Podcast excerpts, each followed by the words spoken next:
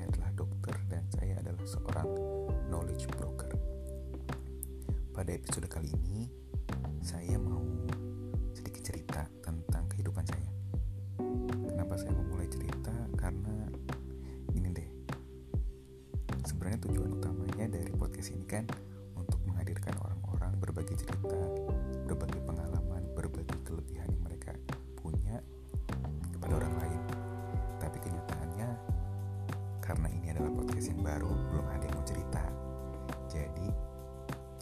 saya akan coba menceritakan cerita kehidupan saya. Di episode kali ini, saya mau coba cerita tentang bagaimana saya dari berat saya sekitar 78 atau 80-an lah di tahun 2010 dan saya akhirnya bisa kembali ke berat saya 60 di tahun 2011 itu kurang lebih sekitar satu tahun. Jadi gini teman-teman. Kalian pernah gak sih ngerasa kalau ah berat badan saya kok nggak turun-turun? Ah kok saya makin berat? Ah kok berat badan saya makin ke sini setiap kali saya timbang kok nambah terus ya? Umur saya 30 dulu waktu tahun 2011 umur saya sekitar 20 dan saya waktu itu udah ngerasa kalau saya itu overweight. Kebetulan waktu itu saya punya pacar dan kebetulan saya sering banget ke rumahnya dan orang tuanya baik banget dan saya nggak enak jujur. Karena waktu itu orang tuanya selalu ngasih saya makanan jadi saya makan makan makan makan makan makan makan.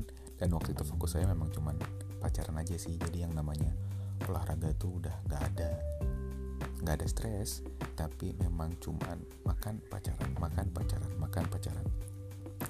Sampai akhirnya saya masuk kuliah tahun 2009 dan itu adalah tahun di mana saya sadar kalau ternyata saya udah overweight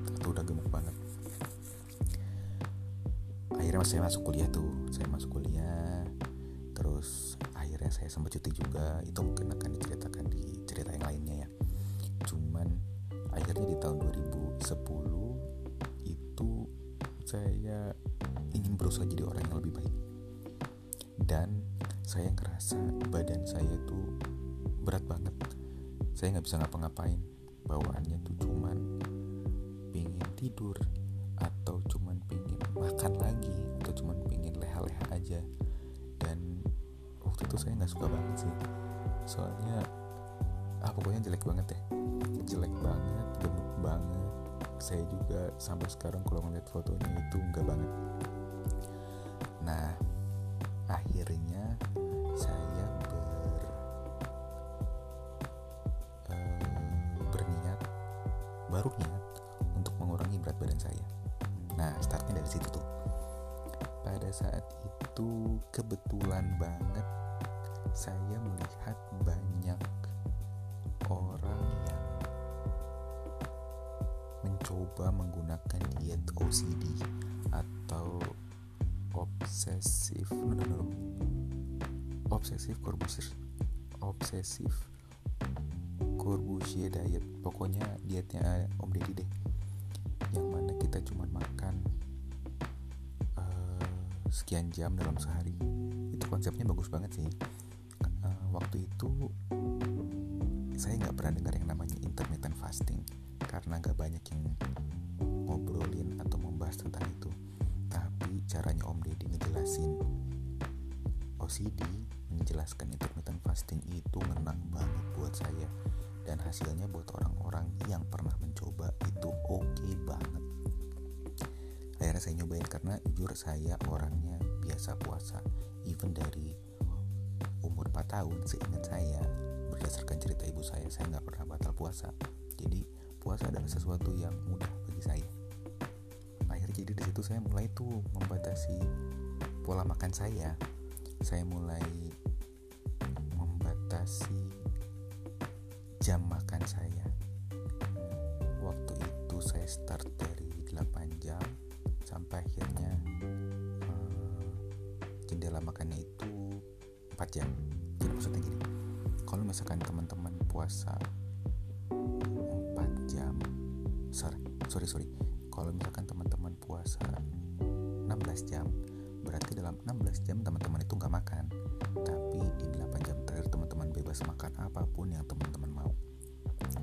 Kalau misalkan 20 jam berarti ya 20 jam teman-teman pas 4 jamnya teman-teman bebas buat makan apa aja. Gitu. Uh, waktu itu saya start ngambil jendela makan yang 8 jam.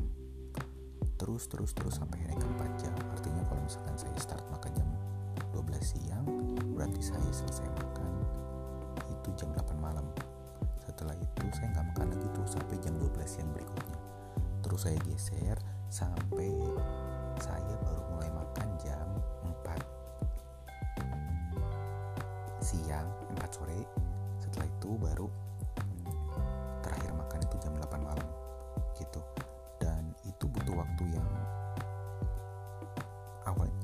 butuh waktu yang cukup lama lah sekitar 6 bulanan kali ya sampai akhirnya saya turun berat badannya. Enggak sih sebenarnya di bulan-bulan awal itu itu turunnya drastis banget. Alasannya kenapa? Karena mungkin teman-teman belum tahu jadi kalau misalkan kita makan rendah gula atau kita puasa sebenarnya yang banyak keluar di bulan awal tuh air. Jadi emang pasti turun berat badan drastis banget. Tapi kalau misalkan teman-teman berhenti setelah teman-teman ngerasa oh berat badan saya udah selesai nih udah cukup nih udah turun 5 kilo nih di bulan awal. Begitu teman-teman balik lagi ke pola makan yang biasa ya teman-teman jadinya akan naik lagi karena airnya cepat banget buat balik ke badan teman-teman gitu.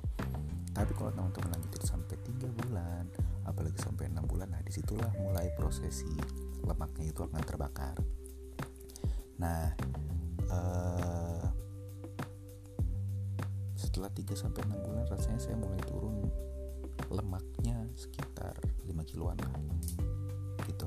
Dan jujur di di di, di minggu-minggu awal itu berat banget sih karena kita harus menahan rasa lapar kita walaupun saya udah biasa puasa tapi tetap itu sulit karena setiap hari dan progresnya makin ke sini makin singkat gitu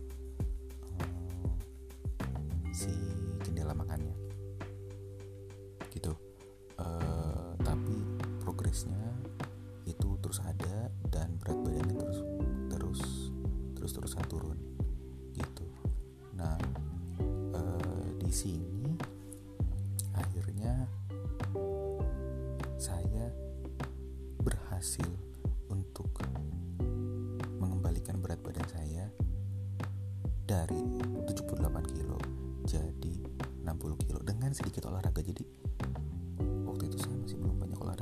jujur berat badan saya masih terlalu berat gitu.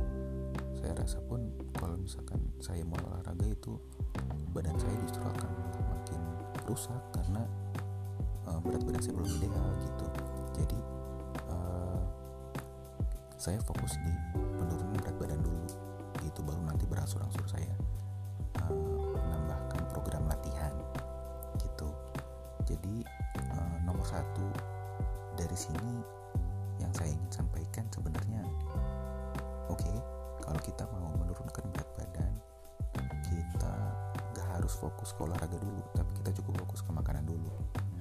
Dan untuk menjaga makanan itu sebenarnya kita bisa menggunakan tiga hal sih ya.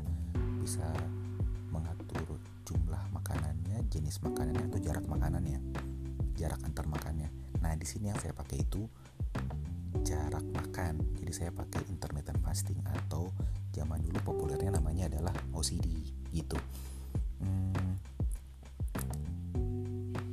di pengaturan jarak makan itu saya atur jaraknya dari uh, dari mulai makan sampai dari mulai terakhir makan sampai ke mulai makan lagi itu di 16 jam sampai ke 20 jam gitu. Dan ilmu yang saya sampaikan sebenarnya kalau teman-teman pernah dengar kata sarapan atau teman-teman pernah dengar bahasa Inggrisnya adalah breakfast itu sebenarnya ada breakfasting artinya batal puasa gitu. Nah kenapa disebut breakfast? Karena biasanya kita setelah malam tidur terakhir makan malam kita kan udah gak makan lagi tuh. Baru pagi kita breakfast atau buka puasa gitu. Jadi uh, sesimpel itu kita cuma tinggal menggeser breakfast kita ke jam 12 misalkan gitu. Atau bahkan kalau kayak saya ke jam 4 setelah itu saya makan sampai jam 6 atau sampai jam 8 gitu. Nah di situlah uh, inti dari pengaturan jarak buat uh, diet dalam bentuk intermittent fasting gitu. Terus yang berikutnya juga adalah bagaimana kita bisa mengatur uh, rasa lapar kita. Karena sebenarnya rasa lapar itu ada rasa lapar yang emosional sama ada rasa lapar yang uh, fisiologis gitu. Karena memang kita lapar makanya kita harus makan keseringan kita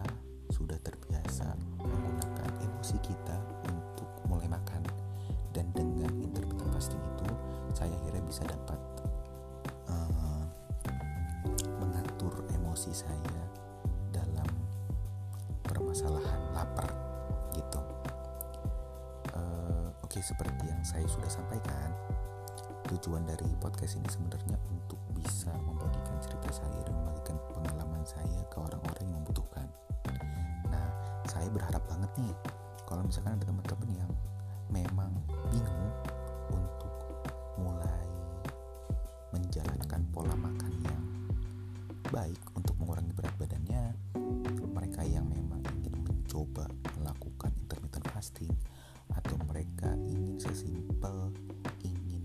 berusaha mengurangi berat badannya berat badan yang cukup berlebih itu jadi berat badan yang ideal.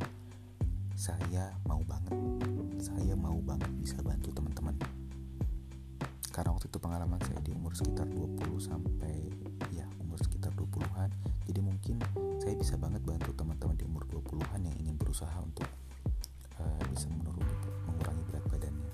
Tapi saya juga punya pengalaman saya udah sekitar 10 tahun ya 12 tahun lah. Sampai sekarang saya masih intermittent fasting.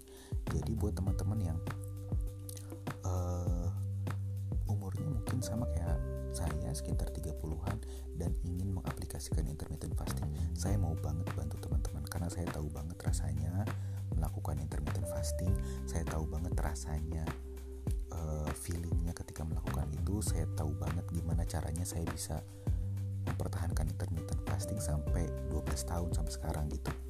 Dari 2010 sampai dari 2009 eh 2010 ya 11 tahun berarti 2010 sampai 2021 gitu. Uh, saya mau banget bisa bantu teman-teman. Dan jujur aja saya juga punya banyak pengalaman ketika saya berusaha mengurangi berat badan pasien saya mengurangi berat badan uh, teman-teman saya waktu itu kan kebetulan saya lagi ada di Bintan uh, dan kebetulan istri saya juga dia ngurusin band uh, dan saya berusaha membantu teman-teman dari istri saya untuk mengurangi berat badannya. Bahkan saya juga membantu pasien-pasien bukan hanya menurunkan berat badannya tapi mengontrol juga tekanan darahnya gitu. Jadi kalau teman-teman yang denger ini ngerasa teman-teman butuh bantuan saya bakal bantu banget. Kalau misalkan teman-teman yang denger ini ngerasa ada teman kamu teman kalian yang memang butuh bantuan orang tua kalian yang butuh bantuan adik kalian yang butuh bantuan saya bakal bantu banget gitu. Dan saya akan berusaha untuk mencoba mencari orang-orang yang sama permasalahan dengan teman-teman atau sama permasalahannya dengan orang tua teman-teman supaya teman-teman bisa berjuang bareng gitu. Uh, itu aja sih yang mau saya sharing kali ini di episode 2 ini tentang bagaimana saya bisa menurunkan berat badan saya dari berat 78 overweight sampai ke berat badan saya 60 terima kasih buat teman-teman yang sudah mau mendengarkan podcast saya di episode kali ini. Terima kasih buat teman-teman yang sudah sharing ke teman-teman yang membutuhkan atau juga membagikan cerita ini ke teman-teman yang memang butuh. Saya harap apa yang saya sampaikan ini ada benefit benefitnya ya cerita ini ada manfaatnya buat teman-teman ada insight yang teman-teman bisa dapat. Kalau ada yang ingin ditanyakan kalau ada yang ingin berbagi kalau ada yang ingin menceritakan sesuatu keberhasilan yang teman-teman jalani yang ingin teman-teman bagikan buat yang lain juga teman-teman bisa DM saya di @ruangtransformasi teman-teman juga bisa follow saya di Instagram tersebut atau follow juga dan like page saya di Facebook Ruang Transformasi. Oke, sampai jumpa di episode selanjutnya. Rencananya sih saya akan menyampaikan uh, podcast ini seminggu sekali ya. Saya akan rekaman di hari Minggu dan mudah-mudahan bisa saya langsung keluarkan. Tapi maksimal di hari Senin akan saya keluarkan. Gitu. Uh, saat ini saya masih pakai alat biasa alat rekam biasa next time sih saya akan coba lebih bagus lagi ya buat teman-teman supaya lebih enak dengerin suara saya buat teman-teman supaya lebih uh, asik kedua saya maaf kalau misalkan masih jelek saya masih berusaha cari warna gimana caranya ngomong yang bagus buat teman-teman uh, semoga berkenan Sampai jumpa di episode selanjutnya. Bye bye.